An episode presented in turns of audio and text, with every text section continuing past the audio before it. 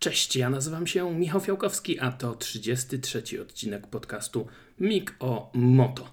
Zaczęliśmy sezon MotoGP, więc dzisiaj będzie oczywiście o pierwszym wyścigu tegorocznej rywalizacji, a więc o Grand Prix Kataru, ale opowiem Wam też trochę no, nowej serii dokumentalnej MotoGP Unlimited, której premiera już za kilka dni, 14 marca. Miałem przyjemność już obejrzeć 8 odcinków, które w tym pierwszym sezonie będziecie mogli zobaczyć i mam sporo przemyśleń na temat tego serialu, wzorowanego oczywiście na Drive to Survive Formuły 1 i Netflixa, ale o tym za chwilę. Najpierw oczywiście o tym, co działo się w Katarze, a działo się naprawdę dużo.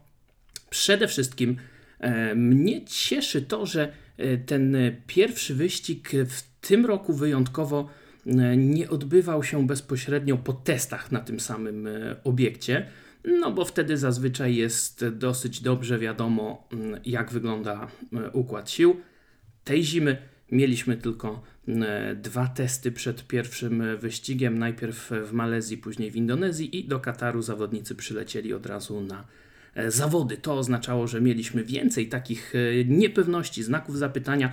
Nie wszystkie te znaki zapytania można było rozszyfrować, czy też nie wszystkie odpowiedzi można było znaleźć już po treningach i kwalifikacjach, dlatego ten wyścig był tak ciekawy pod wieloma względami. No ale przejdźmy do konkretów. Pole position w sobotę zgarnia Jorge Martin, ale w niedzielnym wyścigu triumfuje Enea Bastianini, czyli Bestia. Włoski zawodnik, były mistrz świata kategorii Moto2, zawodnik prywatnego zespołu Gresini Racing, zawodnik, dla którego to jest drugi sezon w kategorii MotoGP.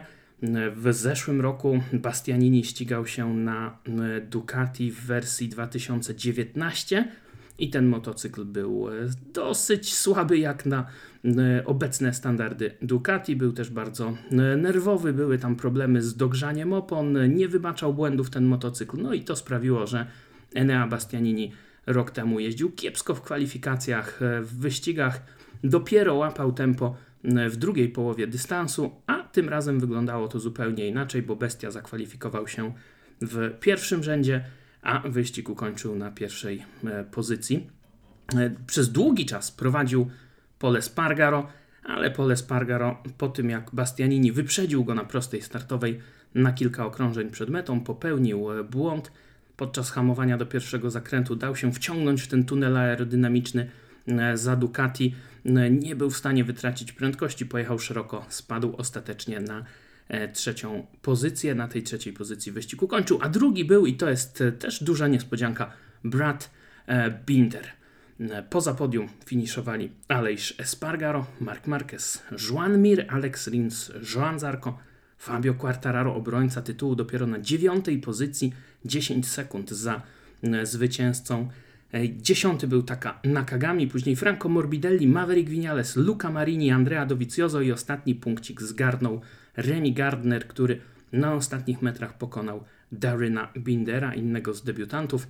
Stawkę zamknęli dwaj pozostali debiutanci, Fabio Di Antonio i Raul Fernandez. Do mety nie dojechali Alex Marquez, Miguel Oliveira, Marco Bezeki. Oni zaliczyli wywrotki. Do mety nie dojechali także Peko Baniaja i startujący z pole position Jorge Martin Baniaja. Przewrócił się podczas hamowania do pierwszego zakrętu. Uścisk przodu zabrał ze sobą najszybszego w kwalifikacjach Jorge Martina, ale oni i tak nie walczyli ani o zwycięstwo, ani o podium, a Jack Miller musiał wycofać się z powodu awarii elektroniki i tak to wygląda, jeśli chodzi o pierwszy wyścig sezonu. Zresztą wszyscy ten wyścig pewnie widzieliście, wiecie doskonale, co się działo. Dlatego dzisiaj chciałbym bardziej przeanalizować sytuację w stawce po tych pierwszych zmaganiach sezonu, przeanalizować to, kto spełnił oczekiwania pokładane w sobie zimą, kto zawiódł. No bo tutaj takich historii jest sporo. Zacznijmy od Ducati i od NA Bastianini.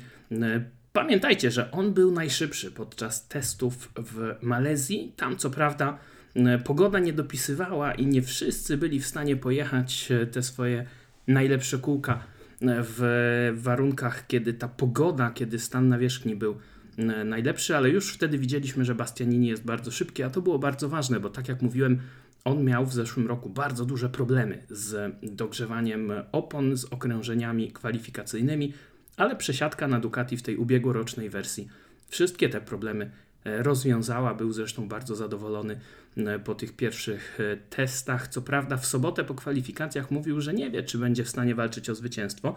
No ale ostatecznie był i nawet gdyby Pole Spargaro nie popełnił tego błędu i nie wyjechał poza tor pod koniec wyścigu, to i tak nie miałby szans moim zdaniem na walkę z Eneą Bastianinim. Zresztą tempo Pola Espargaro i ta różnica na mecie pokazują, że e, rzeczywiście e, tutaj nie byłoby mowy o e, jakiejkolwiek obronie. Zresztą i tak już wtedy Bastianini go wyprzedził i podejrzewam, że szybko by od niego tak czy inaczej odjechał, a z Polem pewnie i tak poradziłby sobie Brad Binder. Dlaczego o tym E, za chwilę. Bastianini, tak jak już też pisałem e, jakiś czas temu, on będzie bardzo groźny w pierwszej połowie tego sezonu, a wszystko to też w dużej mierze dlatego, że bardzo duże problemy ma ekipa fabryczna Ducati. No i teraz okazuje się, że nie tylko ona, ale także e, zespół Pramac Racing. Przed pierwszą rundą w Katarze Peko Baniaja, aktualny wicemistrz MotoGP, przedłużył swoją umowę z Ducati na dwa kolejne sezony, na lata 2023 i 2024. Tylko Mark Marquez i Brad Binder mają tak długie kontrakty, odpowiednio z Hondą i e, KTM-em. No i Peko Baniaja w ten sposób stał się takim nieformalnym liderem, czy nawet już formalnym liderem ekipy e, Ducati. O ile jeszcze w zeszłym roku, na początku sezonu, tym numerem jeden e, miał być Jack Miller, tak teraz role już się wyraźnie e, odwróciły. E, tym bardziej, że Jack Miller nie ma kontraktu na e, przyszły sezon.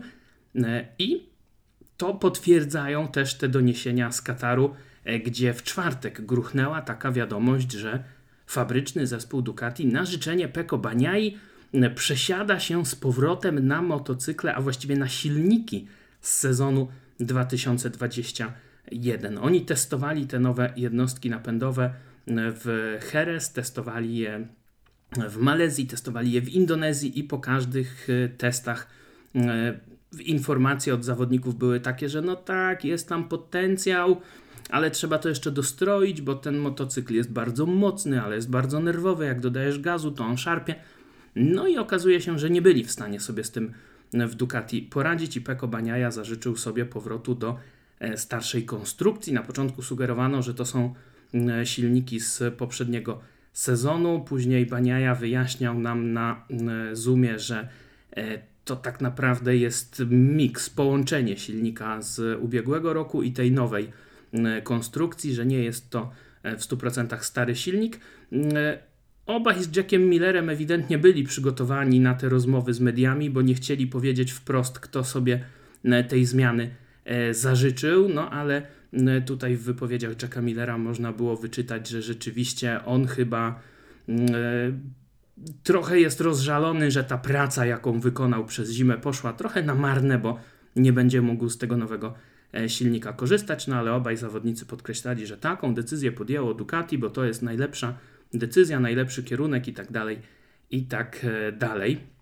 No ale to wszystko powoduje e, szereg problemów, tym bardziej, że zespół Pramac Racing, tutaj już nie było tego czasu i oni pozostali na tych silnikach w wersji 2022. Dlaczego takie zamieszanie? Ano dlatego, że przepisy mówią, iż w zespołach fabrycznych obaj zawodnicy muszą korzystać z tej samej specyfikacji e, silników, a więc jeżeli Peko Baniaja chciał wrócić na stary silnik, no to musiał też wrócić e, Jack Miller. No a skoro takie życzenie miał zawodnik z kontraktem na dwa kolejne sezony, no to ten drugi bez kontraktu nie ma tutaj za wiele e, do e, gadania, ale bardzo możliwe, że tych części po prostu nie było wystarczająco dużo, aby takie połączenie tego nowego i starego silnika stworzyć. No i w Pramac Racing zostali na tych nowych silnikach Jorge Martin i e, Joan Zarco. Obaj na te silniki cały czas trochę narzekają, mówią, że brakuje im trakcji, że te silniki są nerwowe, są szybkie rzeczywiście, ale są nerwowe. No i ciekawe, jak to wszystko się e, zakończy. Jack Miller wyścigu nie ukończył, e, miał problemy z elektroniką. Wiecie pewnie doskonale, że GPS w MotoGP jest zabroniony, ale te motocykle mimo wszystko wiedzą dokładnie, w którym miejscu na torze się e, znajdują. Jest to w sprytny sposób przez zespoły opracowywane.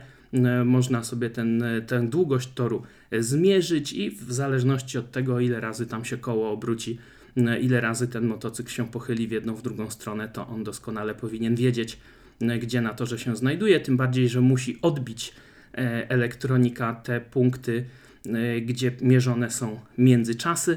E, no i to sprawia, że motocykl wie, w którym miejscu toru się znajduje, nie potrzebuje GPS-u. Zespoły mogą ustawiać elektronikę pod tym kątem, a więc może być E, więcej mocy, mniej mocy, większe hamowanie silnikiem, słabsze hamowanie silnikiem, w zależności od miejsca, w którym się zawodnik znajduje, kąta złożenia itd., tak itd. Ale czasami motocykl się zgubi.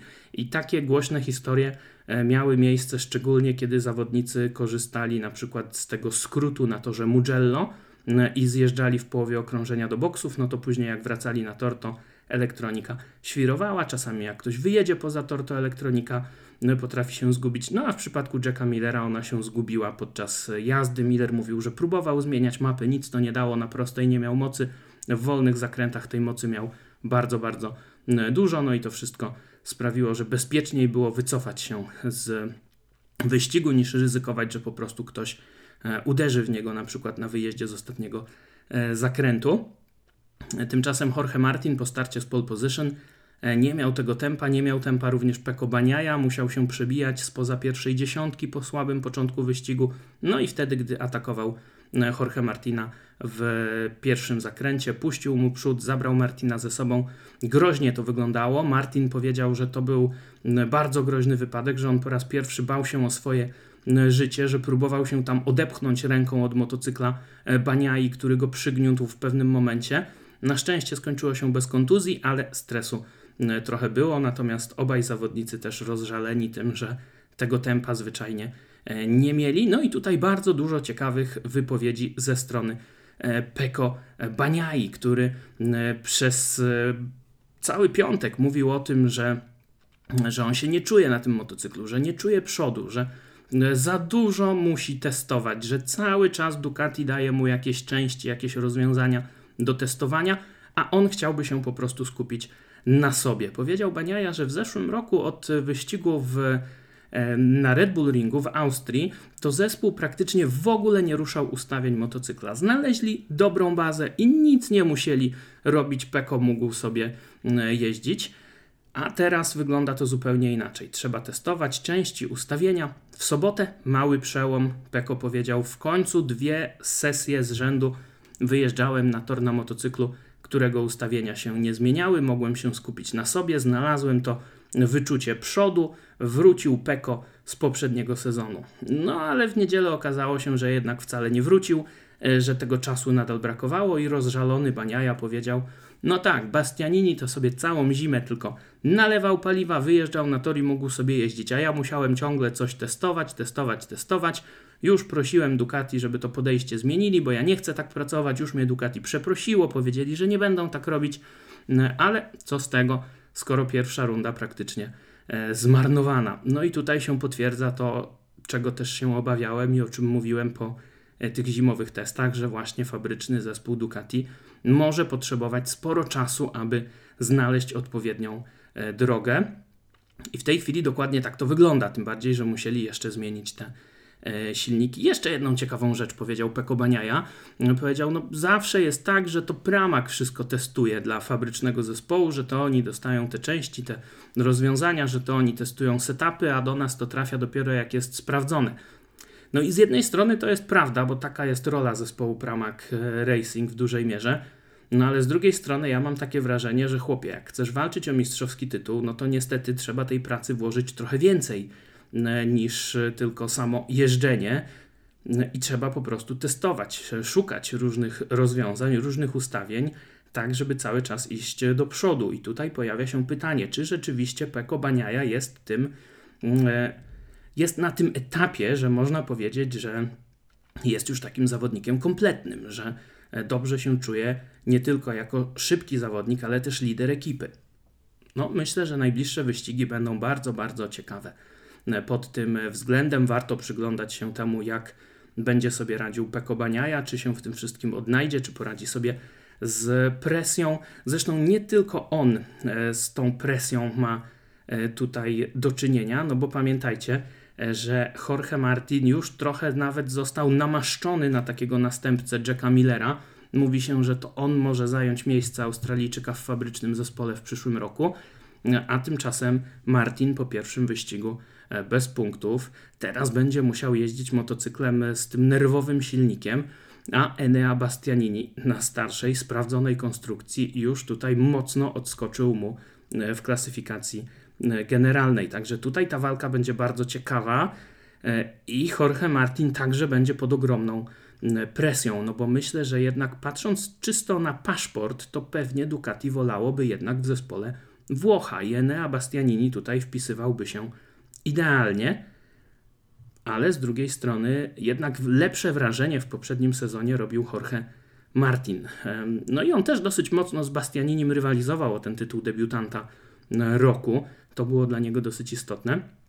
Także zobaczymy, jak to się wszystko e, potoczy. To taka wewnętrzna rywalizacja, która dla mnie będzie bardzo, bardzo e, ciekawa. Gdzieś tam w tym wszystkim jest jeszcze Joan Zarko, który kompletnie przez cały weekend przezroczysty, 14 chyba po kwalifikacjach, ósmy bodaj w wyścigu na ostatnich metrach wyprzedził Fabio Quartararo. Też miał problemy właśnie z tym nerwowym charakterem E, motocykla, ale po wyścigu powiedział, że przynajmniej ten mocny silnik pomógł mu wyprzedzić swojego rodaka na tych ostatnich metrach e, rywalizacji. No, Joan Zarko też musi podkręcić tempo, jeżeli chce sobie zasłużyć na kontrakt na kolejny sezon, bo na razie to nie wygląda to dla niego zbyt e, dobrze. Jeśli chodzi o debiutantów Luke Mariniego i Marco Bezekiego, myślę, że trzeba im dać jeszcze trochę więcej czasu. Nie ma tutaj jakoś E, specjalnie co się rozwodzić na e, ich temat. Obaj tego czasu potrzebują.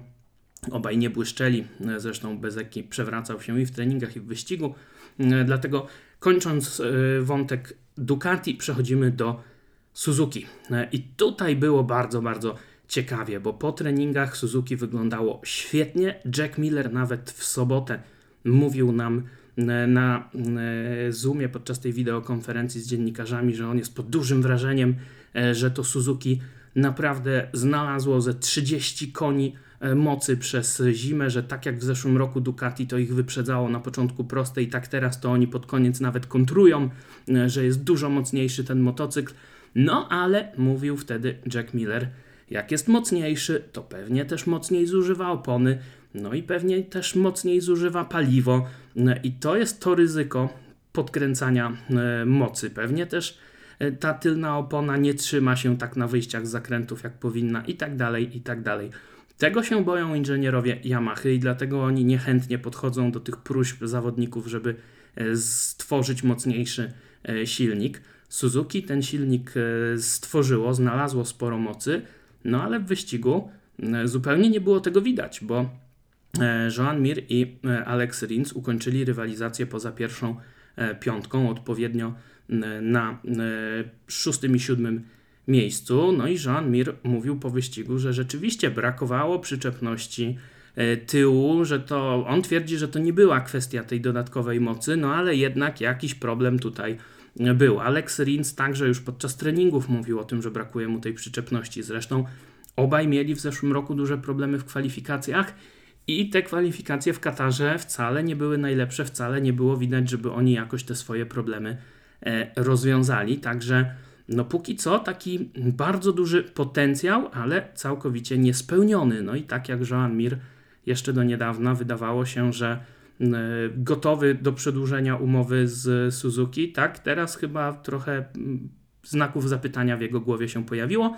Natomiast Trzeba tutaj pochwalić Aleksa Linca, bo on w poprzednim sezonie przewracał się po prostu non-stop, nie trzymał tej presji, często zaliczał uślizgi przedniego koła, kiedy gonił czołową grupę, a w Katarze pojechał naprawdę z głową i sam przyznał: OK, nie czułem się całkowicie pewnie więc postanowiłem, że odpuszczę, wolę dowieść do mety e, punkty niż znów się przewrócić. No i tutaj naprawdę to był zupełnie inny Alex Rins niż w poprzednim sezonie.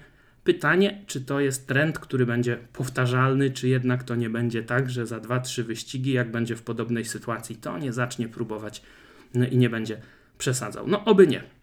E, Suzuki, ważna też informacja, bo nie wiem, czy to kiedy nagrywałem ostatni podcast, już e, o tym wiedzieliśmy, chyba jeszcze nie.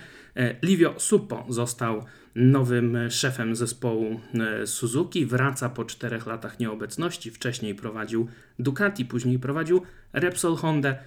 Davide Brivio, który ten zespół Suzuki rozwijał, który odszedł nieco ponad rok temu do Formuły 1, postanowił, że nie wraca w tym sezonie, zostaje w Alpin w Formule 1. No i zespół ściągnął e, Livio Suppo, który zresztą e, wziął udział w ciekawej konferencji w Katarze, mówił o swoich planach, o swoim podejściu.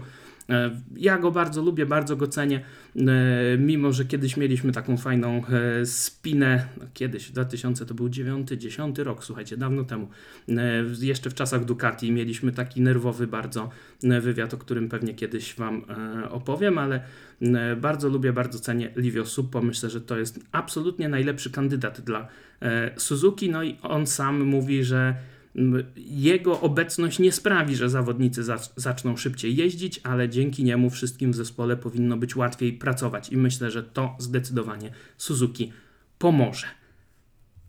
Przechodzimy do Hondy. No i tutaj dobrych wiadomości jest sporo.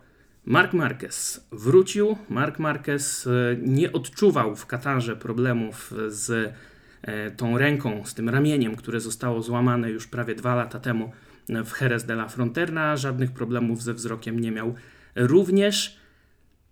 No i to nas bardzo cieszy, ale wyścig ukończył dopiero na piątej pozycji. Mówi, że to nie jest tak, że był piąty, bo nie chciał wygrać i pojechał na pół gwizdka, tylko był piąty, bo nie był w stanie pojechać już e, szybciej. Honda zmieniła całkowicie motocykl tej zimy. O tym już mówiłem wielokrotnie. W poprzednich sezonach bardzo duże problemy z tyłem motocykla. Zawodnicy narzekali, że ten tył zachowuje się bardzo niepewnie na wejściach w zakręty, także na wyjściach z zakrętów. Pole Spargaro mówił, że tak jak on zawsze mocno hamuje tylnym hamulcem, tak teraz nie jest w stanie tego robić. No i Honda kompletnie zmieniła tę e, konstrukcję, zmieniła balans motocykla w tym sezonie zawodnicy już od zimowych testów mówią, że teraz ten tył to jest rewelacyjny, można go kontrolować, można się nim bawić, można jeździć dużo pewniej i e, bezpieczniej. No i tak było właśnie w przypadku e, Pola Espargaro, który był bardzo szybki podczas testów, przede wszystkim tych ostatnich testów w Indonezji. Był szybki także w Katarze, prowadził prawie przez cały wyścig. No jak sam przyznał później, trochę za bardzo był podekscytowany na ostatnich okrążeniach ale też e, wybór miękkich opon, przód i tył i fakt, że tym tylnym hamulcem znów może tak mocno operować, to wszystko sprawiło, e, że po prostu zajechał tylną oponę. Ona już nie miała przyczepności, on już nie miał amunicji, żeby walczyć, żeby się bronić przed e, Bastianinim. No i stąd ten spadek tempa na ostatnich okrążeniach, ten, ta strata pozycji również i Pole Spargaro trzeci na mecie ale przed Markiem Marquezem e, z kolei Mark Marquez mówi, że on tego tyłu motocykla no nie do końca jeszcze rozumie, nie do końca potrafi ten tył e, wyczuć, że nie potrafi tak hamować tyłem, jak robi to Pole Spargaro, a jednocześnie przód zrobił się dla niego trochę e, za lekki. I to jest też coś, o czym mówił i Pole Spargaro, i Alex Marquez, i Taka Nakagami. Oni podczas testów mówili, że no tak, rzeczywiście, ten przód był zawsze świetny, on jest teraz trochę gorszy, nie daje takiej pewności, ale zdecydowanie ważniejsze jest to, że dużo lepszy jest tył motocykla. No i Mark Marquez, człowiek, który zawsze jeździł właśnie jakby tym przodem, dzisiaj jest w trudnej sytuacji. Co może zrobić Honda? No nie może dostać Mark Marquez innego silnika jak Pole Spargaro. Ta konstrukcja silnika, punkty mocowań, ramy i tak dalej, to też wszystko wymusza pozostałe elementy motocykla, więc nie ma tutaj mowy o jakiejś specjalnej maszynie dla Markeza.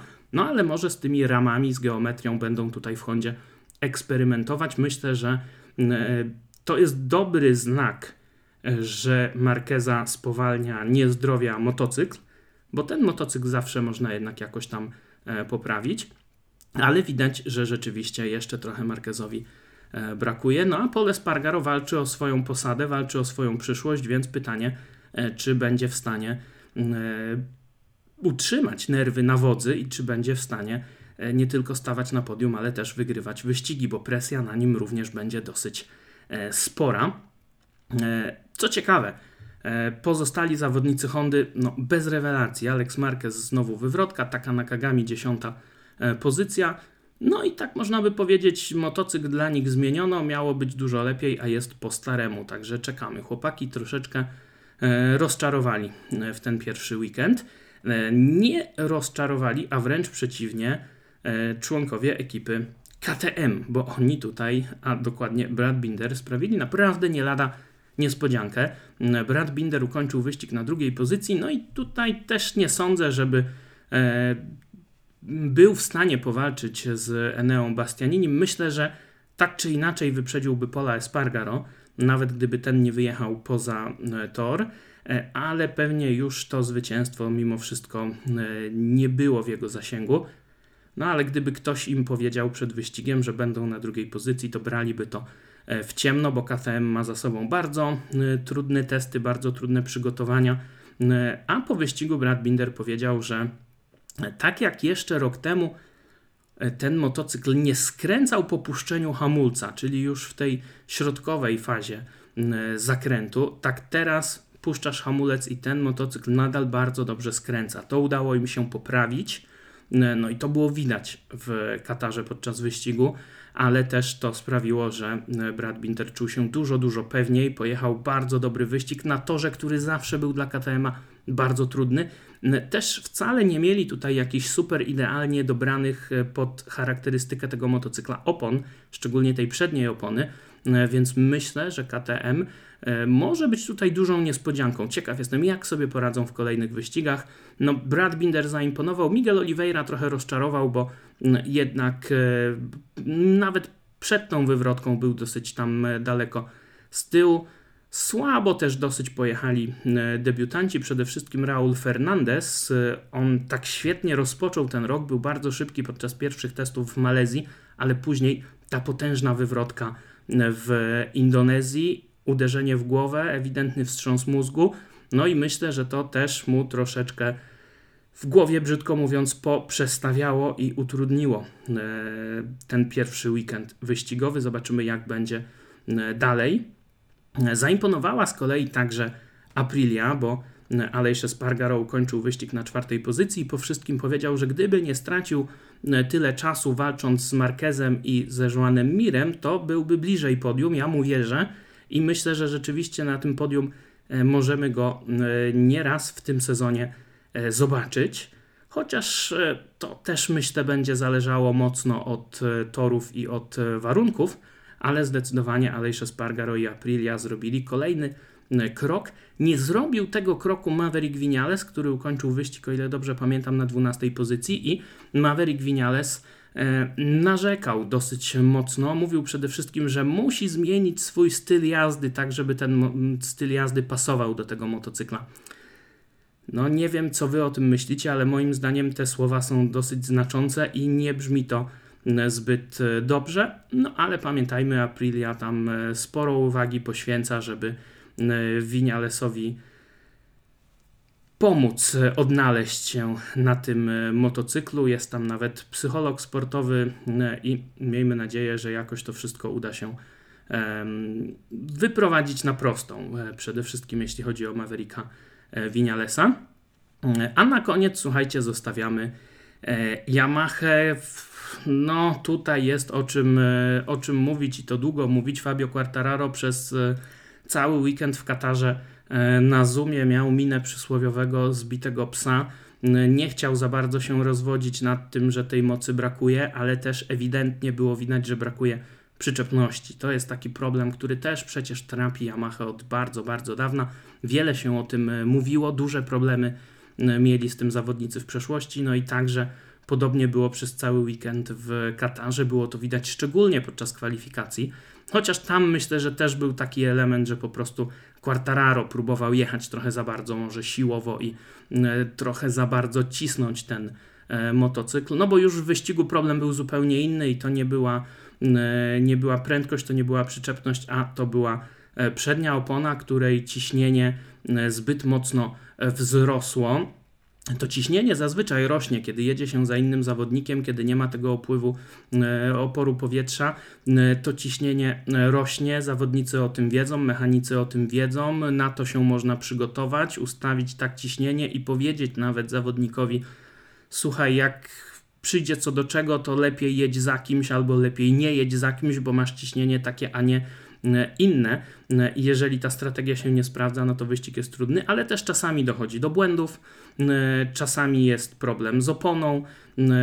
Fabio Quartararo miał już taki problem dwa lata temu w Aragonii, kiedy też miał za duże ciśnienie w przedniej oponie i e, do dzisiaj nie jest chyba jasne, czy to była wina mechaników, czy to była wina najzwyczajniej w świecie opony.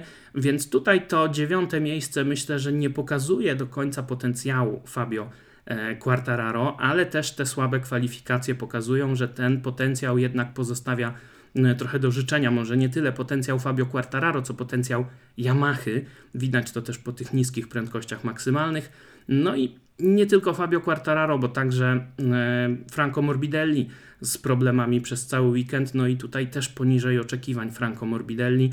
On niby twierdzi, że już nie ma problemów z tym kolanem, które trzeba było operować w zeszłym roku, ale jednak mimo wszystko E, no jest cieniem samego siebie sprzed e, dwóch sezonów.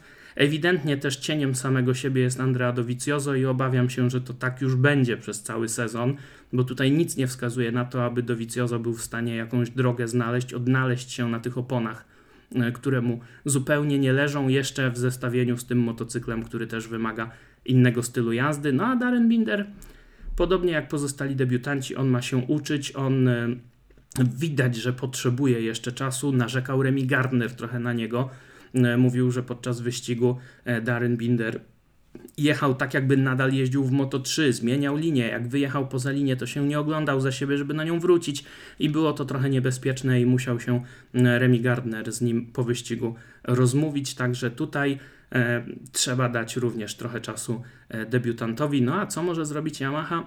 Myślę, że będą takie tory, na których Yamaha będzie szybka.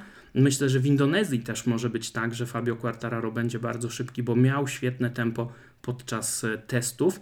Ta Indonezja już za tydzień, pamiętajcie, że tam zmienił się asfalt praktycznie na połowie okrążenia i ten nowy asfalt, e, inny materiał użyty do jego e, konstrukcji, to wszystko może sprawić, że to, co się działo podczas testów, na niewiele się zda, więc przed nami wielka, wielka niewiadoma.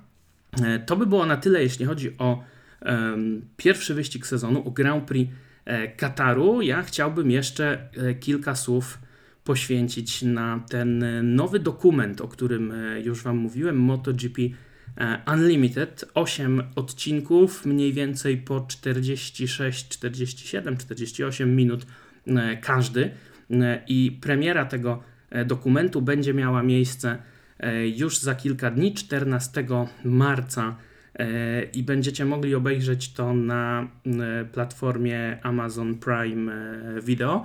E, I warto tutaj pamiętać, że jak sobie założycie konto na Amazonie, to tego Prima macie za, przez miesiąc za darmo. Później on kosztuje 49 zł na rok. I to wszystko nie jest reklamą, bo mi za to nikt nie płaci ale dostałem od organizatorów MotoGP możliwość obejrzenia całego tego pierwszego e, sezonu MotoGP Unlimited i chciałem się wrażeniami e, po tym seansie z Wami e, podzielić. Ja bardzo lubię ten dokument poświęcony Formule 1 Drive to Survive. Zresztą czwarty sezon dzisiaj też ma premierę na Netflixie.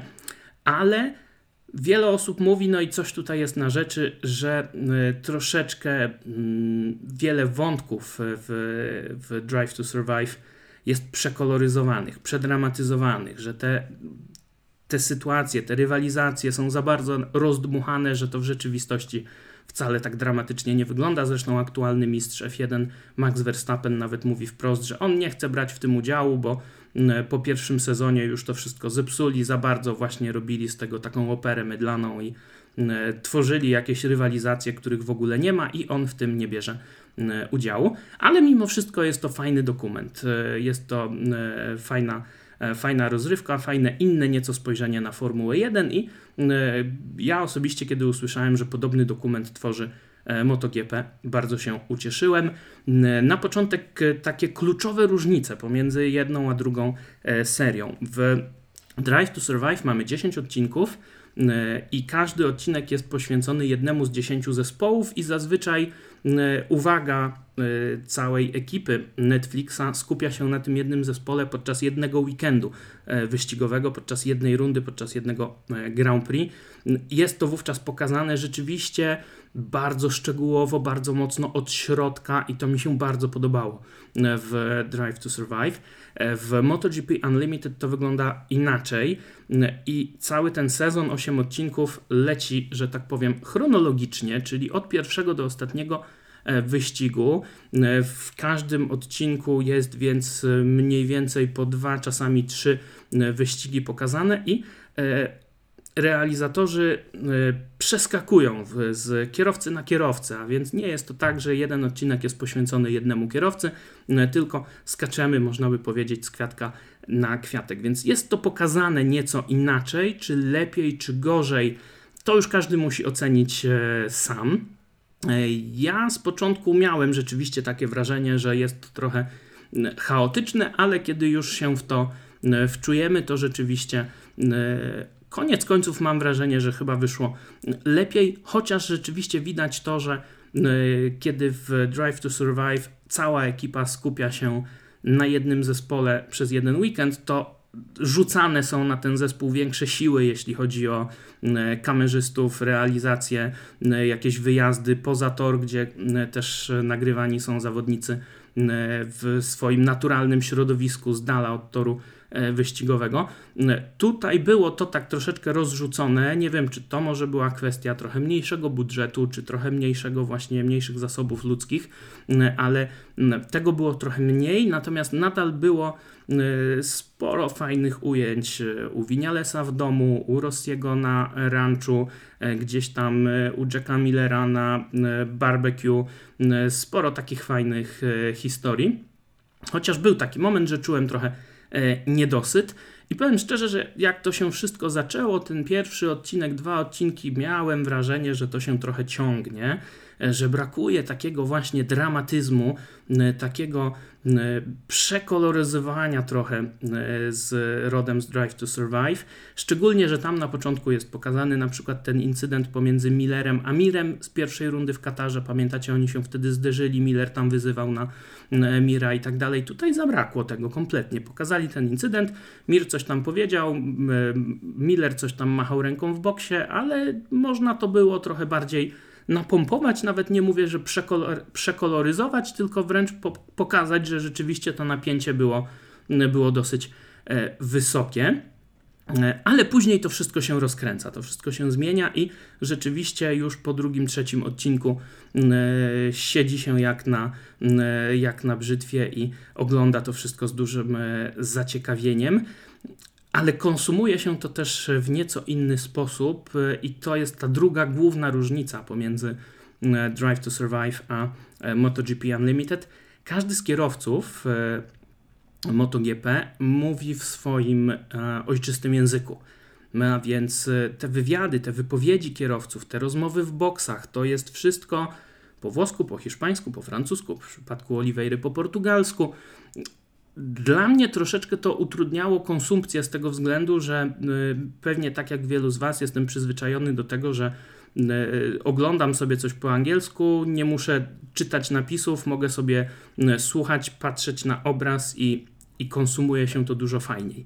Natomiast w przypadku zawodników czasami jest tak, że kiedy dostają możliwość wypowiadania się w swoim ojczystym języku, to te wypowiedzi są rzeczywiście takie bardziej dogłębne, bardziej szczere, oni mogą się trochę lepiej wy, wyrazić, mimo że nikt tam nie ma jakiegoś specjalnego problemu z językiem angielskim w MotoGP. Pewnie byłoby to większym problemem, gdybyśmy mówili na przykład o Moto3, więc to jest taki wątek no nie wiem, nadal nie wiem, e, czy to, e, czy to był dobry ruch. Tym bardziej, że jesteśmy przyzwyczajeni do wielu dokumentów właśnie w języku angielskim, wszyscy pewnie. Dla mnie plusem było to, że można sobie było poćwiczyć hiszpański, bo rzeczywiście lubię te hiszpańskojęzyczne seriale oglądać sobie z angielskimi napisami i szlifować hiszpański. No tutaj można było przy okazji też i włoski i francuski, ale troszeczkę to odciągało wzrok od, od środka ekranu. Ciekawe, czy będzie lektor na przykład w polskiej wersji, czy też chociaż w angielskiej wersji. Ja bym chyba takie rozwiązanie preferował, no ale ocenę tego pozostawiam Wam. Co ciekawe, serial kręci się tak naprawdę wokół kilku zawodników. Jest dużo Marqueza, jest dużo Baniai, jest dużo Mira, jest dużo Rinsa, jest dużo Quartararo oczywiście, bo to mistrz świata, jest dużo Rossiego, ale kilku zawodników nie pojawia się w ogóle praktycznie, bo na przykład Joan Zarco, Danilo Petrucci, Iker Lecuona E, po obejrzeniu tego serialu, jakbyście nie byli fanami MotoGP, to moglibyście sobie nawet nie zdawać sprawy, że tacy zawodnicy w ogóle jechali w MotoGP w poprzednim e, sezonie. Oczywiście zdaję sobie sprawę, że to nie jest możliwe, żeby wszystkich po prostu ograć, żeby każdego pokazać, żeby każdemu poświęcić jakąś dłuższą chwilę. Tym bardziej, że nie każdy ma tam jakąś ciekawą historię, bo myślę, że e, Joan Zarco czy no Petrucci, ok, ostatni sezon ale to, to nie były aż takie mocne historie jak e, historie Marqueza czy Rossiego. E, natomiast te historie, które były pokazane, były pokazane całkiem fajnie. E, bardzo, bardzo szczegółowo została pokazana historia Mavericka Vinalesa. To było zrobione kapitalnie, szczególnie, że no, dużo się działo u Vinalesa, prawda? On zmienił zespół trakcie sezonu. E, tam jest moment, kiedy mówi prosto w twarz e, Linowi Jarvisowi, że e, zarzuca Yamasze, że Yamaha mu specjalnie robi podgórkę, że jakieś słabe motocykle mu dają. No naprawdę pokazane to było fajnie i z takich wydarzeń na torze i z takich wydarzeń też w domu u Vinalesa. No tutaj ogromny szacun. To było zrobione świetnie. No powiem wam, że nie macie e, serca albo macie serce z kamienia, jeżeli nie uronicie łezki e, podczas e, tych fragmentów, które są poświęcone Alejszowi Espargaro i Aprilli. To było naprawdę Mistrzostwo Świata. Pokazany ten nerwowy charakter Alejsza Espargaro, ale też ta ciężka praca razem z Aprilią. No powiem szczerze, że nawet teraz jak sobie to wspominam, to mi się E, to mi się robi e, tak ciepło na sercu, bo było to pokazane naprawdę fenomenalnie.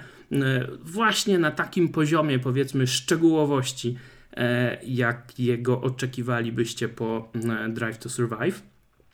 Bardzo fajnie pokazana historia Valentino Rossiego, chociaż o nim to pewnie można by było nakręcić i E, cały taki, e, taki serial, ale rzeczywiście dużo smaczków, dużo fajnych historii, e, dużo wspomnień, dużo kulisów, też wizyta na rancho, więc tutaj także fajnie zrobiona robota. Dużo Razlana Razaliego i tej relacji Rossiego z zespołem Petronasa, z Razalim. Tam padają dosyć wcześnie takie ciekawe wypowiedzi, właśnie szczególnie ze strony Razlana Razaliego, że jak to usłyszycie, to, to się będziecie zastanawiać, jakim cudem Rosji w Petronasie wylądował, skoro e, Razali ma takie podejście do niego. To przyznam szczerze, że ja też tego nie wiedziałem i to mnie też e, zaskoczyło. E, dużo emocji, o tym już mówiłem. I też, co ciekawe, nie zawsze organizatorzy byli pokazywani w takim pięknym, idealnym świetle. E, to nie jest wcale laurka e, dla MotoGP. E, były błędy w poprzednim sezonie, była ciekawie pokazana dynamika i praca dyrekcji wyścigu. Była ta sytuacja z Fabio Quartararo, kiedy jechał w rozpiętym kombinezonie. Mike Webb przyznaje się tam do błędu. Były te ciężkie chwile i tragiczny wypadek Jasona Dupasquier i później ta minuta ciszy przed wyścigiem bezpośrednio, którą wielu zawodników krytykowało i to było pokazane dosyć dosadnie, więc to nie jest tak, że MotoGP sobie zrobiło e, taki cukierkowy, lukierowy e, dokument o sobie. Nie, to jest naprawdę zrobione fajnie, bezstronnie, to mi się bardzo podobało. No i tak jak już mówiłem, mimo że ten może pierwszy odcinek się tak spokojnie rozkręcał trochę, to później te emocje były ogromne, ale też myślę, że to się tak początkowo rozkręcało, dlatego że ta pierwsza e, seria, ten pierwszy cykl ośmiu odcinków nagrywany był w czasach pandemii. I jednak to był zupełnie inny padok niż ten, który ja znam z kilkunastu lat y, wyjazdów na MotoGP w roli dziennikarza i komentatora. Y, ten padok tętni życiem, nie tylko y, te alejki pomiędzy boksami, pomiędzy ciężarówkami, ale też wewnątrz jednostek gościnnych. Tam jest zawsze mnóstwo ludzi, jest głośno, tam się dużo dzieje. No tutaj było bardzo sterylnie, bo wiadomo, COVID, podzielane stoły, jakieś szybki pleksi pomiędzy, pomiędzy ludźmi, ludzie w maseczkach i tak dalej. I pewnie to przez to. Zobaczymy, jak to będzie w kolejnych e, sezonach. Jak już muszę się do czegoś przyczepić, żeby nie było, że jest tylko wszystko idealnie, e, no to jak jesteście wytrawnymi fanami MotoGP, czy też oglądacie po prostu ten sport od lat, to zauważycie takie momenty, że czasami idzie jakiś wątek, e, że na przykład coś dzieje się na torze w Mizano i fajnie jest budowana narracja, mówi coś zawodnik, mówi coś lektor i nagle jest jakaś przebitka i widać, że ta przebitka wcale nie jest z Mizano, tylko ona jest z Asen na przykład albo z Red Bull Ringu Kilka takich momentów ja wyłapałem i to trochę dla mnie, jako takiego prawdziwego kibica MotoGP, który tym sportem żyje, no to było takie trochę, mm, kto to na to pozwolił? Tym bardziej, że na przykład można było wyciągnąć onboard z, e, z odpowiedniego wyścigu, prawda? Ale to są takie detale i myślę, że to ludzie wyłapią, to zostanie, e, będzie to, na to zwrócona uwaga też e, produkcji tego serialu i pewnie w kolejnych e, sezonach e, takie kwiatki znikną, ale na pewno na dzień dzisiejszy no takie mocne 9 na 10 dla serialu MotoGP Unlimited. Jestem bardzo ciekawy, jak Wam się będzie ten serial oglądało, jak Wam się będzie ten serial konsumowało. Dajcie proszę znać w komentarzach, bo to już za chwilę E, premiera tego serialu. Pewnie nawet e, wielu z Was nie zdąży e, wysłuchać tego podcastu, zanim obejrzy pierwszy odcinek. Tym bardziej, że tak jak już mówiłem, no nie trzeba wcale się tutaj jakoś specjalnie nagimnastykować, aby absolutnie legalnie obejrzeć sobie też cały ten cykl ośmiu odcinków po prostu za darmo założyć konto i przez pierwszy miesiąc to konto jest darmowe. Ja akurat sobie to konto założyłem niezależnie od tego już jakiś czas temu i fajnie, że miałem możliwość obejrzenia tego e, wcześniej, bo pewnie jakby nie to, to w poniedziałek bym siedział i od rana do wieczora bym te wszystkie odcinki po kolei oglądał. Tymczasem e, Grand Prix Indonezji przed nami, druga runda sezonu MotoGP już e, za tydzień, wyścigi bardzo wcześnie rano, MotoGP chyba o 8 rano, startuje te treningi też bladym świtem, bo pierwsze tam już od drugiej w nocy chyba się E, rozpoczynają każdego dnia, a więc e, runda dla e, wytrwałych, ale wyścig w sam raz do śniadania, no a podkaścik będzie pewnie mam nadzieję też po wszystkim. Trochę trudniej będzie w tym sezonie z tymi podcastami. Nie wiem, czy mogę to mówić, bo w zeszłym roku i dwa lata temu to po wyścigach ich praktycznie w ogóle nie było, ale to, co ten plus, który był przez dwa ostatnie lata, mimo ewidentnego minusa, jakim była pandemia, to jednak to, że kiedy dziennikarze nie mogli wejść na e, tor, na zawody, e, to mogli, e, mogliśmy brać udział w tych wszystkich wideokonferencjach na Zoomie czy też na Webexie z zawodnikami i to było bardzo fajne. Niestety to się kończy. Wiele zespołów od tego odchodzi. Niektóre zespoły jeszcze nadal przy tym zostają. Niektóre zespoły jeszcze w Katarze robiły to wyjątkowo, na przykład Yamaha już nie będzie tego robić od kolejnych rund. Zobaczymy, jak to wszystko będzie się rozwijać e, w, w Europie. E, na ile te padoki będą się e, otwierać też dla dziennikarzy, no bo w poprzednim sezonie padoki były otwarte, ale dziennikarze poza tym, że mogli sobie przyjechać, wejść do sali prasowej, to nie mogli i tak zejść tam na dół pomiędzy boksami, pochodzić, porozmawiać z zawodnikami, więc takie wyjazdy e, dla mnie jako dla freelancera nie miały absolutnie żadnego e, sensu, nawet gdyby się to kalkulowało jakoś tam finansowo, no to jechać sobie na tor tylko po to, żeby posiedzieć w sali prasowej, to, to jakiś absurd. Miejmy nadzieję, że teraz będzie trochę inaczej, że uda się na jakieś wyścigi e, wyskoczyć, ale nawet jeśli nie, to postaram się z tymi podcastami od czasu do czasu podziałać. A dzisiaj już dziękuję Wam za uwagę. Zapraszam Was też do e, pisania, komentowania, co się Wam podoba, co się Wam nie podoba w komentarzach. Znajdziecie mnie też w mediach społecznościowych. W opisie odcinka są wszystkie E, linki. Zapraszam też do e, zaglądania na ścigacza. Tam moje e, najnowsze teksty, analizy, jakieś podsumowania, ciekawostki możecie znaleźć. A na dzisiaj to już wszystko. Do usłyszenia. Cześć.